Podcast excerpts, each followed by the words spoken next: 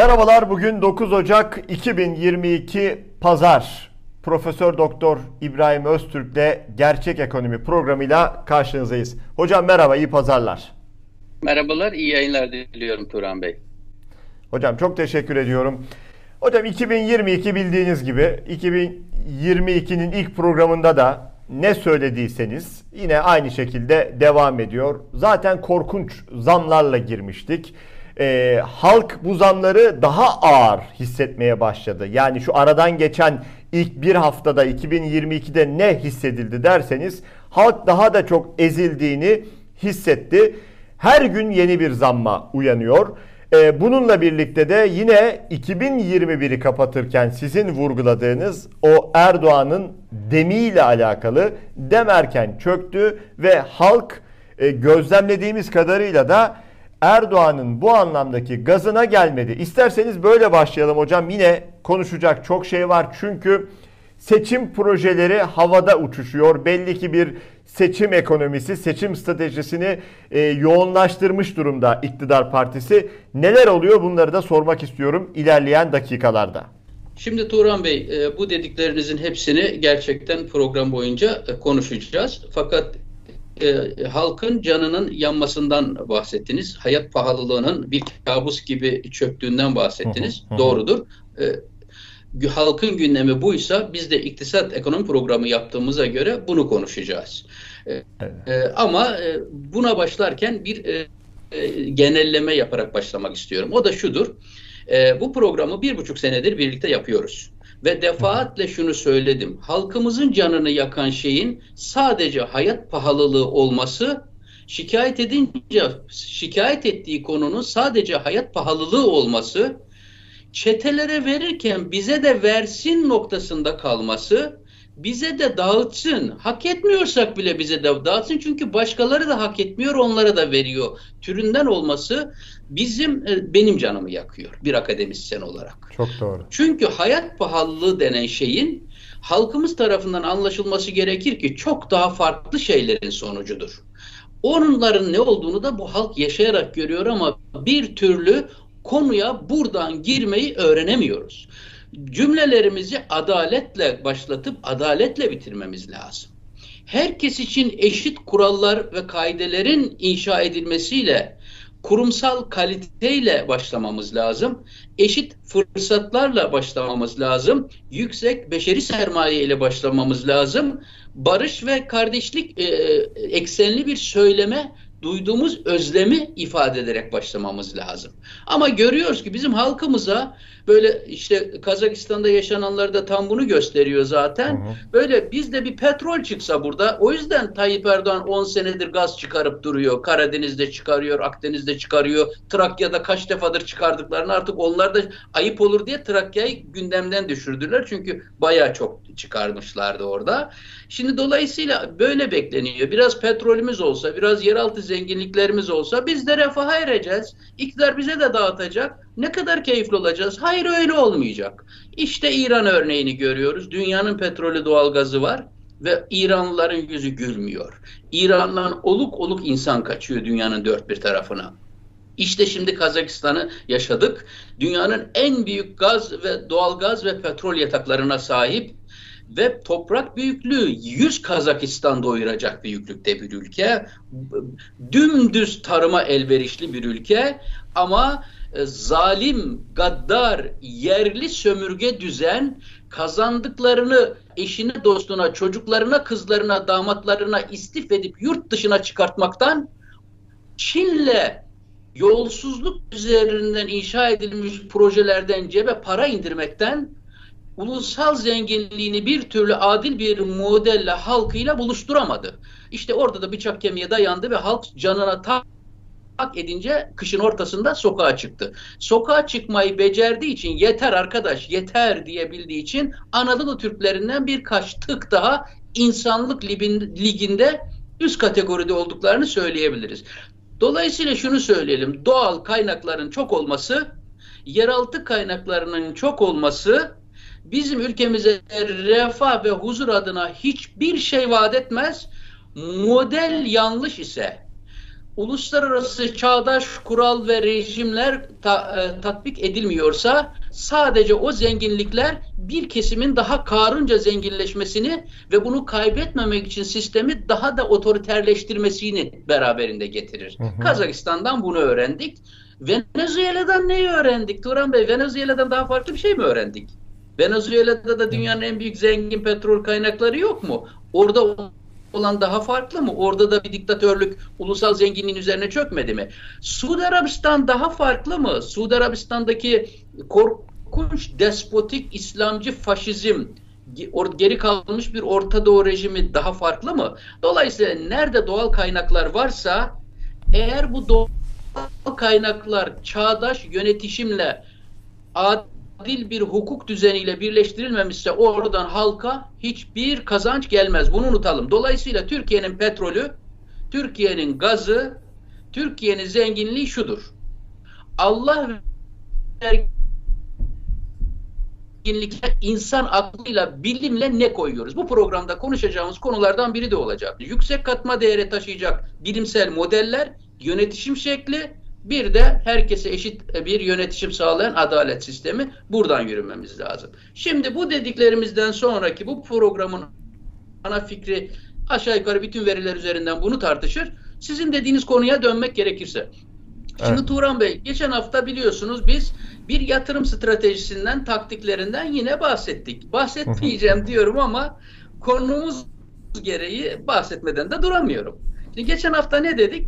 Önümüzdeki hafta dolar ve avro 14-15 bandından her seferinde müdahale gelecek. Bir nolu grafiğimizi koyalım konuşurken ve görelim.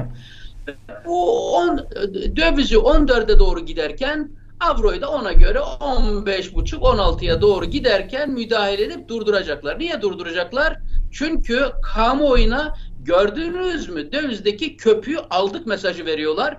Halbuki işin doğrusu nedir? E, Türk tarihinde ilk defa bir Amerikan doları 13 milyon Türk lirası olmuştur. 14 milyon Türk lirası olmuştur. Ama bunu halka gördünüz mü nasıl da 18'den düşürdük diye sanki önemli bir şey olmuş gibi yaşadığımız kur faciasını gizlemeye çalışacaklar demiştik. Bakın buradaki grafikte de görülüyor. Mavi çizgi e, e, yatay mavi çizgi gösteriyor. Bakınız e, kırmızı çizgi sol tarafta 18'den sert düşen e, döviz 10 e, bandına kadar da düştü. Sonrasında halkın dem denen aldatmacaya e, inanmamasıyla yeniden dövize yönelmesiyle birlikte görüyorsunuz 13,5-14'lere doğru her gidişinde Merkez Bankası'nın müdahalesi geliyor ve oradan üzerine çıkmasını engellemeye çalışıyorlar. Bu doğru bir politika mı? Hayır yanlış bir politika. Niye? Çünkü Türk milletinin kısıtlı borçla alınmış, faizle alınmış dövizlerini çatır çatır yakıyor Erdoğan. Kendini bir seçime atabilsin diye yakıyor, yok ediyor. Bir milyar dolar vermediği için kanser tedavisini yapılamadı.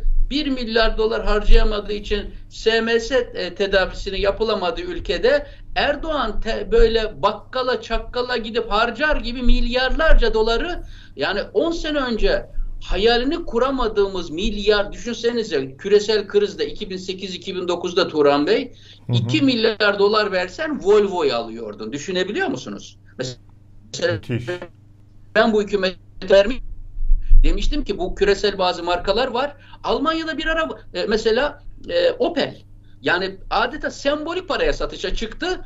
Hemen Alman hükümeti toparlandı. Bir dakika kimin neyi satıyorsunuz dedi ya. Opel Alman otomotiv sanayinin bütün bir kimini temsil ediyor? Bu teknolojiyi nereye kaptırıyorsunuz? Ne çok tutsan onu da alırsın. Yani 2 milyar dolarlar bir zamanlar bizim için öyle hayalleri aşan paraydı ki bu iktidar bunları 4 milyar, 5 milyar, 10 milyar dolar çatır çatır çöpe atıyor. Yandaşlarına milletten alıp veriyor ve kılımız kıpırdamıyor. Nasıl bir hale düştüğümüzü, nasıl duyarsızlaştığımızı, nasıl kafamızdaki ölçü birimlerini kaybettiğimizi gösteriyor. İşte, dolayısıyla geçen hafta dediğimiz evet çok zararlı bir stratejileri sebepleri var. Bir seçimi kazanabilelim diye her şeyi yakmayı göze aldıkları anlaşılıyor. Ama bu müdahaleyi de yaptıklarını gördük. O yüzden ben geçen hafta demiştim ki en dipten alamayız, en yukarıdan satamayız. Çünkü bu piyasanın çakalları biz değiliz. Bu piyasaların çakalları var.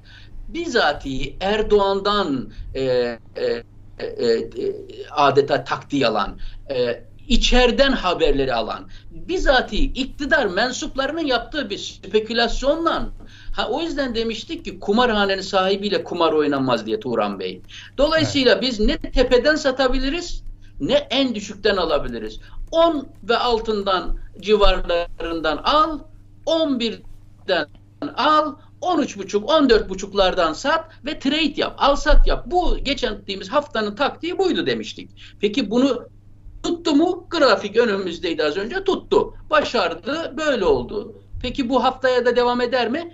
Ee, Türk milletinin e, sürekli dövizini satmaya çalışarak bu stratejilerinde ısrar edebilirler mi? Bilmiyorum. Bilmiyorum ne kadar yıkıcı olabileceklerine dair bir görüşüm yok ama kanaatimce burayı bırakmayacaklar. Yani 14 hmm. olabilir do, do, dolar. 14'ün üstünü de görebilir, 15'i de görebilir ama maalesef Türk milletinin özellikle halkın dövizini aktarmasıyla, bir miktar halkın dövizini aktarmasıyla bazı ihracatçıların elde ettiği e, gelirlere el koydular biliyorsunuz. El koyacaklarını açıkladılar yüzde yirmi beşine. Bu tür e, tırnak içinde söylüyorum bu tür çakallıklarla elde ettikleri milletimizin kıt kaynaklarını bu şekilde harcamaya devam ederlerse seçimden sonra ister gitsinler ister kalsınlar tarihin en büyük kabusuna doğru gitmiş oluyoruz. Fakat şunu söyleyelim açık açık ikinci grafiğimizde de bu görülüyor Turan Bey. Hı hı. Ee, halkın e, Erdoğan'ın bu dövize endeksli mevduat dediğimiz dem e, yalanına sahtekarlığına halkımızın kanmamasını temin ettik. Bu bağlamda kendimizi de tebrik ediyorum. Çünkü özellikle Eser Karakaş hocayla çarşamba günleri yaptığımız programda hem bu dem uydurması açıklandığında bütün programımızı bu konuya ayırarak, bütün detaylarıyla tartışarak bunun halka büyük bir kazık olduğunu, içeriğinin asla belli olmadığını, sürpriz boyutlarına hazırlanması gerektiğini söyledik. Nitekim bakınız bu graf grafikteki sarı çizgi döviz mevduatlarının halkımız tarafından hiçbir şekilde çözülmediğini, artmaya devam ettiğini son geçen hafta bile yine artmaya devam ettiğini gördük. An itibariyle bankalardaki kısmı sadece 147 milyar dolarla tarihi zirvede halk bu dövizden çıkmıyor, doğrusunu yapıyor. Bu dönemin stratejisini söyleyelim Turan Bey. Bu grafiği bitirdik böylece. Ee, bu dönemin stratejisini söyleyelim. Elimizdeki en sağlam mal Erdoğan'ın basmaya, üretmeye muktedir olmadığı maldır. Çünkü Erdoğan bir kalpazandır. Evet bir daha söylüyorum bunu. Erdoğan tarihin gördüğü en büyük kalpazandır. Çünkü Türkiye'nin para basma yetkisini ele almış ve bunun ne kadar enflasyon yapacağından tümüyle kopmuş, sıcak parayı asgari ücrete, emekliye, ona, buna, yandaşlara e, dövizini mevduattan çıkıp TL'ye yatıranlara gelin diyor. Ben para basıp vereceğim size. Sonra ne oluyor? Şu an Türkiye'nin enflasyonu yüzde yüzlere doğru koşuyor Turan Bey. Bakın ben Almanya'da yaşıyorum. Almanya'da enflasyon oranı yüzde bir buçuklardan şimdi yüzde beşin üzerine çıktı. Evet. O yüzden Erdoğan'ın yarattığı enflasyonla e, e, etkileyemeyeceği malımızda kalmamız lazım. Eğer siz tüccarsanız eğer bir takım ürünleri üretiyorsanız sizin de malınızda kalmanız lazım. Malınızı e, kolay kolay kaptırmamanız lazım. Çünkü malın devamı da gelmiyor. E, e, siparişlerin devamı da gelmiyor. O yüzden herkes e, ayağını yorganına göre e, uzatmak e, durumunda. Size bir bilgi daha vereyim. Bakınız e, yıl bitti. Türkiye'nin bütçe açığı kesinleşti. 160 milyar TL'lik bir bütçe açığımız var. Fakat sıkı durun bu bütçe açığı orta vadeli programda ifade edilen 200 e, aşağı yukarı 250 milyar e, TL'lik bütçe açığının altında kaldı. Bu yön bile iyi. Ama bu 160 milyarlık bütçe açığının 90 milyar TL'sinin sadece Aralık'ta geldiğini size söyleyeyim de anlayın. Yani bir erken seçimi ne pahasına kazanmak e, e gerekirse bütün bakın yağmur gibi gelen zamlara rağmen Aralık ayının bütçe açığı 90 milyar TL. Demek ki barajın kapaklarını açmışlar Turan Bey. bir yandan yağmur gibi zamları, vergileri bindirecekler. Bir yandan da geleneksel rey aldıkları kesimlere sürekli para ve kaynak pompalama sürecini başlatmışlardır. Dolayısıyla 2022 yılında bir bütçe disiplini kimse beklemesin. Size bir istatistik daha vereyim bu vesileyle.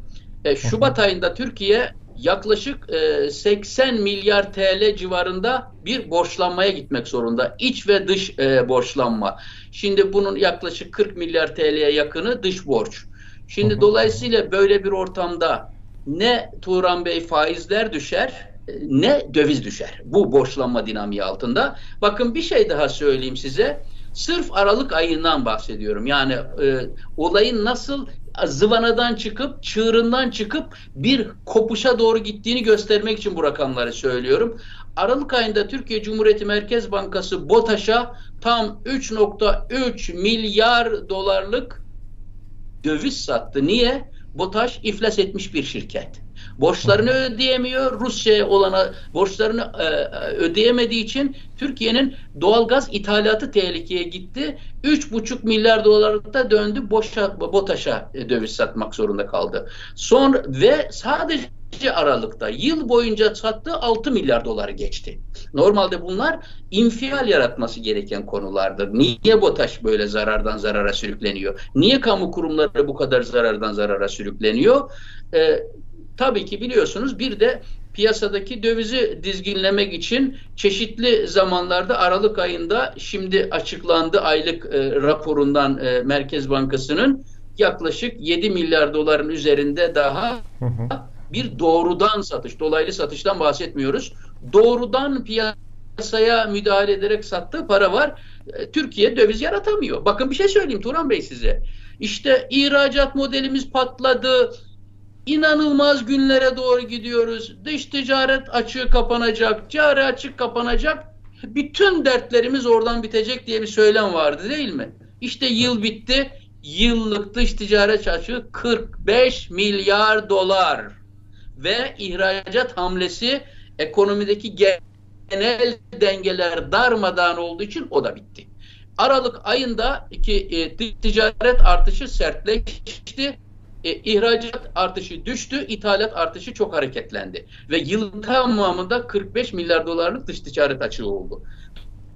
Dolayısıyla nereden baksan döviz açığı karşımıza çıkıyor ve bu dövizleri borç alıp böyle de az önce anlattığım gibi e, daha bayra öteye beriye yandaşa şirkete açık veren kamu kuruluşlarına hep kötü yönetimden ve hep kasalarını boşaltmaktan kaynaklanıyor. E, veriliyor. Durum budur yani.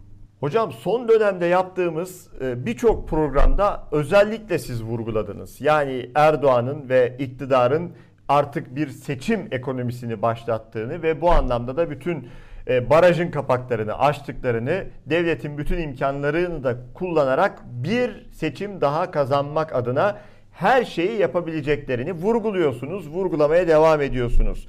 Haliyle de propaganda projelerini şu anda duymaya başladık hocam. Aynı sebepten mi bu? E şimdi Turan Bey şöyle diyelim. Yani e, e bu iktidar 20 senelik iktidar. E, yeni gelmiyor ki meraklanalım. Hı hı. Hüsnü zannedelim. Ya diyorsa ya bir şeyler bildiği vardır diyelim. 20 senedir onlarca defa doğalgaz buldular. E, yıllardan beri Türkiye'nin yerli uçağı havada uçuyor dediler. Altay tankını yaptık dediler. Almanya motorunu vermediği için elde kaldı. E, işte şimdi yeniden başlamışlar uzaya ey CHP sen istesen de istemesen de biz o uzaya gideceğiz. Karadeniz'den gaz, yerli otomobil işte her yerde dolaştırıyorlar. Takmışlar boğazına bir e, tasma e, yer e, yerli katkısı yok. Sırf millete biz araba yaptık demek için bir tane numune göstermek için seçimden önce içinde Türklere ait hiçbir şey yok. E, diyorsun bataryası nerede? Onun yatırımı yapıyoruz diyor. Motoru nerede? Onun yatırımını yapıyoruz diye. Sırf Erdoğan'a aa arabamız var diye böyle vitrine koyup e, sahnede e, dansöz oynatır gibi araba oynatmak su. Yani bunu artık bunu tanımış olmamız lazım. Yani şunu söyleyelim işte hala mesela Erdoğan Türkiye ilk 10 ekonomiye sokacağız diyor. Mesela Türkiye'de hiç bu konuları bilmeyen bir insanın şunu söyleyebilmesi lazım. Ya 20 senede e, zaten kişi başı geliri 12.500 dolardan 8.000 dolara düşürmüşsün. 8 senedir düşürüyorsun. Bırak ilk ona sokmayı, ilk 20'den çıkardın. İlk ondaki ekonomi Kanada. Kaç defa söyleyeceğiz? 2.2 trilyon dolarlık milli geliri var Türkiye'nin 3 katından fazla. Ne olacak da ne zaman olacak? Yani artık Erdoğan'ı tanımış olmamız lazım. Yani Erdoğan'ın vaatlerine uymamız için, ikna olmamız için, inanmamız için elimizde bir veri yok ki. Art bir yalancı. Bir e, e bunu böyle kabul etmek lazım. 20 senede yapılamayanlar bundan sonra yapılamaz. Bu yetkiyi almak lazım artık. Tamam sana çok da fazla hüsnü zan yaptık. Kimseye verilmeyen yetkileri sana verdik. Fırsatları sana verdik. İzin ver de milletin e, birikimini başka birikimli evlatlarını deneyelim demesi lazım. Bakın Erdoğan başka birikimli evlatlarını yiyor, yiyor. Buna da uyanması lazım Türk milletinin. Yani Türk milletine hizmet edemesin diye şu gariban milletin yetiştirdiği bir avuç birikmiş insanı Erdoğan boğuyor. Hayat hakkı tanımıyor. Ülkelerinde yaşatmıyor. Hapishanelerde çürütüyor. Bu Türk halkını kimden yardım bekleyecek? Bizim evladımızdır. Kaynaklarımızı verdik, okuttuk, ettik. Bu ülkeye hizmet etsin diye kimden yardım isteyecek? Kendi evlatlarını yiyor bu adam. Bunu artık bu işin başından almak lazım. Şunu söylememiz lazım e, Turan Bey. Bakın e, bunu halkımıza yönelik olarak e, bir e, yani e, kıstas olarak söyleyelim. Hı hı. Yani seç, her şey seçimden sonra olacak. Niye seçimden önce hiçbir şey olmuyor? Bu dedikleri seçimden önce sonra olacaksa seçime gitmemeniz lazım. Doğru mu? Madem Tabii. bütün bunlar 2023'ten sonraya yetişiyor, sen o zaman bunları yaptıktan sonra seçime git e, bu kadar zam yapan bir iktidar, yapmak zorunda kalan bir iktidar bazı şeyleri başarmış olduğunu söyleyebilir mi? Don demek ki bunların hepsi yalan, uydurma şeyler ama halkın gündemini karıştırıyor.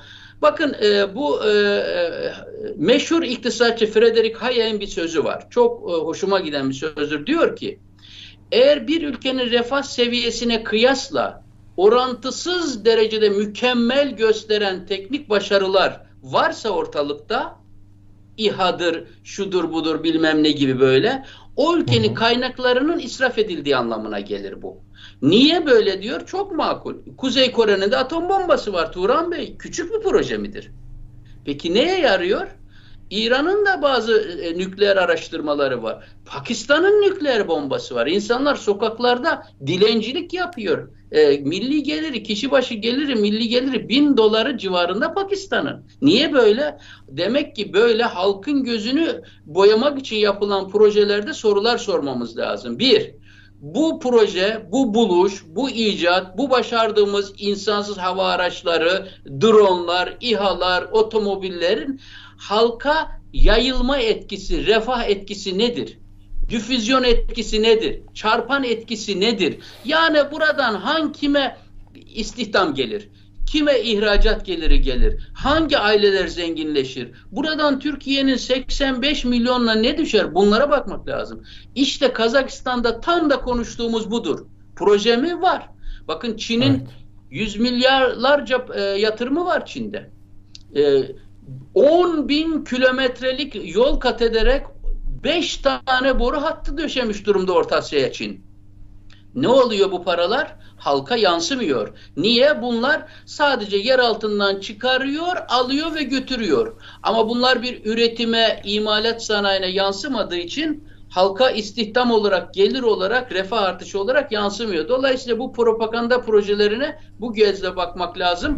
Türkiye'de 20 senedir yapılamayan şeyler bundan sonra da yapılamayacak anlamına gelir. Erdoğan'ın kabiliyeti, kapasitesi, niyeti, yapabilecekleri ve yapamayacakları artık 20 senede fazlasıyla ortaya çıktı. Ee, rüşvet projesi olan yollardan, tünellerden ve köprülerden başka Türkiye'ye bırakacağı hiçbir katma değer ve dönüşüm maalesef geride kalmıyor. O yüzdendir ki Türkiye'nin klasik olarak karşısında duran enflasyon sorunu, işsizlik sorunu, faiz sorunu, kur sorunu, borç sorunu, gelir dağılımı sorunu, adalet sorunu hiçbir tanesine 20 senede tek bir çözüm getirilebilmiş değildir. Çünkü Erdoğan ve zihniyeti ve takım arkadaşları böyle şeyleri yapmaya muktedir değiller. Niyetleri de müsait değildir. Bilgileri de müsait değildir. Ahlakları da müsait değildir. Böyle bir dertleri de yoktur. Türkiye'yi ele geçirip dünyadan kopartmak ve bir sürü halinde yönetmek, sopayla yönetmek istiyorlar. Hayalleri budur. Hocam siz söze değil 20 yılın sonundaki geldiğimiz noktaya bakalım diyorsunuz. Güzel de diyorsunuz ama yeni bakan Nurettin Nebati'yi dinlediğimizde e, herkesi şaşırtacak, e, her şeye çözüm olacak acayip stratejileri var mesela. Bunlar size nasıl geliyor? İnandırıcı geliyor mu? Şimdi tabii e, Merkez Bankası'nın başına gelen kişi ilgi çekmek için biliyorsunuz inanılmaz herkesi şaşırtan uluslararası e, uzmanları, e, aklı başında yeri olan merkez bankacıları, para e, uzmanlarını herkesi çok şaşırtmıştı. Herhalde sonra dediler ki bu kadar konuşma, perişan olduk, rezil olduk diye. Şimdi onun yerini Nurettin Nebati almış durumda. Ne kadar cahilce konuşurlarsa o kadar etkide bulunabileceklerini düşünüyorlar. Herhalde kulağına birisi kar suyu kaçırmış. Demiş ki ona gitti ki biz ortodoks politikalardan çıktık. Heterodoks politikalarına giriyoruz. Bir haftada onu konuşurlar nasıl olsa. Halk da zaten anlamaz bunun. Vay anasına bak da ne dedi. Demek ki bir şey dedi. Demek evet. ki bir şeyler deniyorlar. Yeni deneyler yapıyorlar anlamına. Bunun adını çok basitçe söyleyeyim. Çünkü geçen hafta Türkiye bunu konuştu. Ortodoks politikaları bırakıyoruz. Heterodoks politikalara geçiyoruz. Millet de Bismillah neye geçiyoruz dedi. Ben kısaca size söyleyeyim. O şudur. Atın yularını kaptırıp kuyruğundan atı kontrol edebilir miyiz anlamına geliyor. Ortodoks politika demek ne yaparsan ne sonuç alırsın belli demektir. Mesela faizi çıkartırsan e, ekonomiyi daraltırsın ama hiç olmasın enflasyon düşer demektir. Parayı hmm. çok basarsan enflasyon artar demektir. Borç çok alırsan, tasarruf az yaparsan faizlerin hiç düşmez demektir. Bunlar ortodoks laflardır. Yani bildiğimiz iktisat teorisinin çalışma mekanizmasıdır. Heterodoks demek şu demektir. Daldık çayra, Mevlam kayra. Attık bir taş, bakalım kaç kuş vuracağız. Ee, e, karanlık suya iki bacakla e, çivileme dalıyoruz. Tuttu tuttu tutmadı boğulacağız. Ve nihayet görüyorsunuz Turan Bey bu nedenle bu ülkede dünyanın gözlerinin önünde bir gecede bir iki tane kanun hükmünde kararname aynı konuda değiştiriliyor. Evet, evet. Saat 24'te duyuyorsunuz ki bir kanun hükmünde kararname çıkartılmış. Sabah karşı diyor ki gece çıkarttığımızı görülen lüzum üzerine sabah kaldırdık. Yerine bunu koyduk. Bu şekilde ülkeyle oynuyorlar. Bu şekilde dünyaya kuralsız, kaidesiz, vizyonsuz, stratejisiz hesap. Heterodoks demek bunlar Turan Bey. Ya tutarsa. O tam Las fıkrası var ya birkaç defa anlattığımız. Yani evet. iki ucu tutarsa bir tünelimiz olacak. iki ucu tutmazsa iki tünelimiz olacak. Ama ikinci tünel için milletin paraları gitmiş olacak, harcamış olacak. Maalesef böyle boyutları var. Ama bu maymuna baktırma şeyinden önce 3 nolu grafimizi koyalım Turan Bey. Çok önemli bir grafik. Tabii. Hazırlayan arkadaşlara da teşekkür ederiz. TÜİ'nin verilerinden hazırlamışlar. Bakın bu son Erdoğan hükümeti Erdoğan'ın tek adam rejiminin Haziran 2018'de gelmesinden sonra Türkiye'de genel enflasyon ile gıda enflasyonunun ne hale geldiğini gösteren bir grafik. Erdoğan'dan önceki 42 ay Erdoğan'ın tek adam rejimine geçmesinden sonraki 42 ayı mukayese ediyor. Bakın öncesindeki 42 ayda enflasyon ortalaması birikimli olarak yüzde 44, gıda enflasyonu yüzde 52. Erdoğan'ın tek adam olmasından sonraki 42 ayda enflasyon yüzde 44'ten yüzde 92'ye çıkıyor. Gıda enflasyonu da yüzde 52'den yüzde 111'e çıkıyor. Dolayısıyla maymuna bakmayıp da gerçek verilere baktığımız zaman karşımıza çıkan bu budur. Yani verin kardeşinize reyi göstereyim size dediklerinden bize gösterdiği budur. Bu. Gösterme vaat ettikleri başka, gerçekten gösterdikleri ise budur. İkinci bir şey var mesela onu da koyun. Dört nolu grafiği koyun. Bakın Türkiye'de 1 e, Ocak 2009'da tedavüle çıkan meşhur bizim 200 TL'miz vardı değil mi? Onu da koyalım mesela e, buraya. Şimdi bu 2009'da e, tedavüle çıkan 200 TL'nin alım gücüne bakıyoruz. E, nasıl e, enflasyon karşısında eriyerek satın alma gücünün nasıl yıldan yıla gerilediğini e, e, bakın e, bugün itibariyle 200 TL'nin düştüğü seviye sadece 46 TL'ye denk gelecek o güne nazaran bir alım gücüne sahip. Enflasyon şu TL'yi eritip eritip eritip bugünkü 200 TL 2009'daki 47 TL'ye eşit hale gelmiş. İşte budur karşımıza gelen gerçek. Bu 2005 yılındaki gıda enflasyonumuz %5 iken bugün hı hı. 2021'in sonuç itibariyle gıda enflasyonumuz %48'e çıkmıştır. 40 44'e çıkmış durumda. Turan Bey bir propaganda yapıyorlar şimdi yine e, seçim. Diyorlar ki ya Avrupa'da enflasyon tarihin zirvesine çıktı. Doğrudur. Doğru. Tarihin zirvesi dediği yüzde beş. Beş bu Senin kadar. hiç tarihin de yüzde beşe inmedi. Sen de yüzde yüze doğru gidiyor. Bir utanmak lazım. Bakın beş nolu grafiğimizde gıda enflasyonunda dünyayı karşılaştıralım Turan Bey. Diyorlar tamam. ki dünyada da kıtlık var, dünyada da kuraklık var, dünyada da tedarik zincirinde sorunlar var. Dünya gıda enflasyonu da her yerde almış başını gidiyor. Bakalım bakalım doğru mu? Bakınız e, bu arada bu grafiği hazırlayan Özcan Kadıoğlu'na da Doktor Özcan Kadıoğlu'na da teşekkür ediyorum. E, bakınız Hindistan bize benzeyen ülkeler Turan Bey. Avrupa'yı koymuyoruz çünkü onlar daha Tabii. iyi durumda. Türkiye'ye benzeyen Hindistan'da gıda enflasyonu yüzde ikinin altında. Endonezya'da yüzde üç. Güney Afrika Cumhuriyeti'nde yüzde beş buçuk. Brezilya'da yüzde dokuz civarında, Rusya'da yüzde on bir civarında, Türkiye'de ise işte bu kırmızı e, okta gösterildiği gibi yüzde 45 civarında dünyanın ve benzer ülkelerinin 10 kata yakın e, üzerinde bir e, maalesef bir e, gıda var.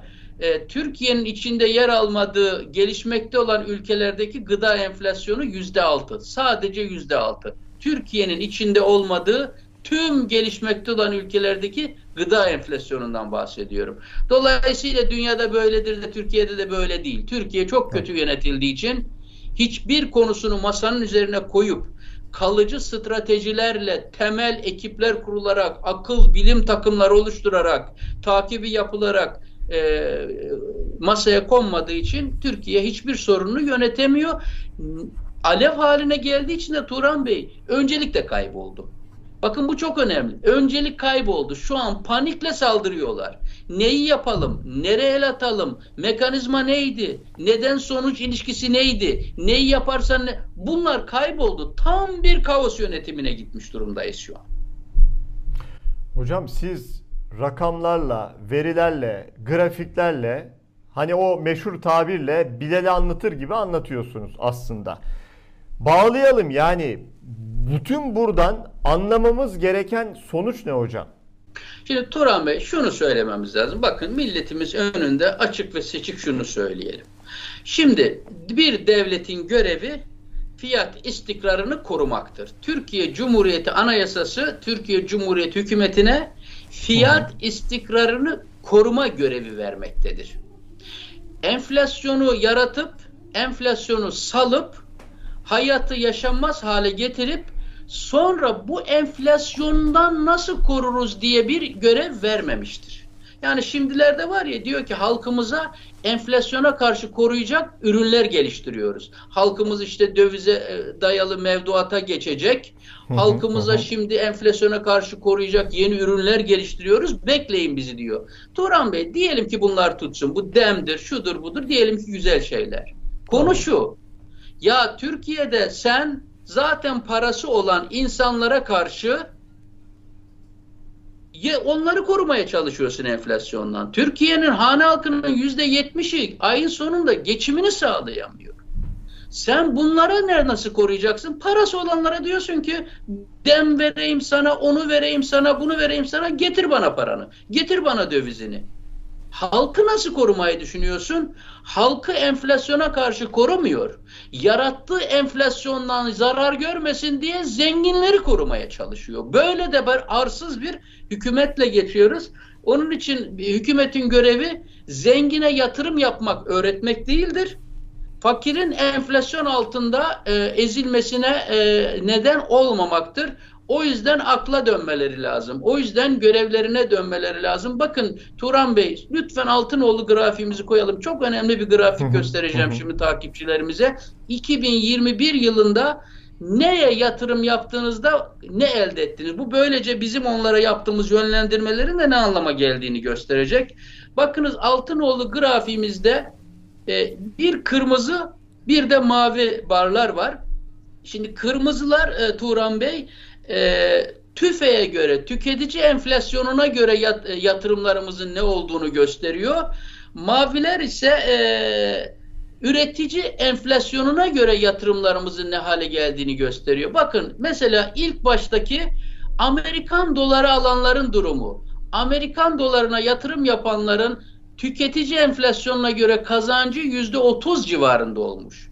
Ama üretici enflasyonu yüzde seksene doğru gittiği için eğer siz üreticiyseniz ve dövizde kaldıysanız zarar ettiniz. Şirketlerin e, e, iflasın eşiğine sürükleyen bir şey var.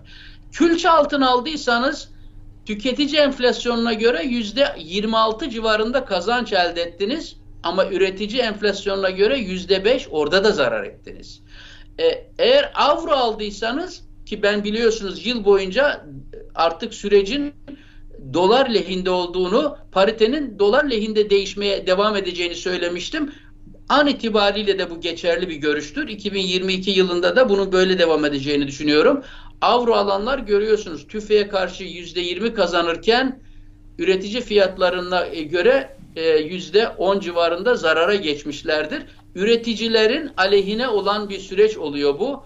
Borsaya gidenler bunu da hatırlıyorsunuz. Borsaya gitmeyin demiştim. Borsa e, maalesef hı hı. Türkiye'de iktidar mensuplarının otel lobilerinde oturup hangi şirketi uçurup hangi şirketi çökerteceklerini aralarında konuştuğu bir mafya kurularak işleme tabi tutulan bir yerdir. Borsaya gidenler maalesef tüfe cinsinden de kazanamadılar, üfe cinsinden de feci zarar ettiler. Mevduata gidenler zaten inanılmaz zarara girdiler. Tüfe cinsinden yüzde on beş zarara geçtiler. Üfe cinsinden yüzde otuz yedi zarara geçtiler. Ve nihayet devlete güvenip borç verenler, bu çok önemli bunun altını çizelim. Şimdi yeni propaganda unsurlarından birisi bu olacak. Sizi devletin barajlarına ortak edelim. Size devletin başlı e, borç senetlerine girin. Oradan size kazanç verelim. Kesinlikle kanmamaları lazım. Devletin geçen sene inanıp sözüne buraya girenler üretici fiyatlarına göre yüzde 45 zarar etti.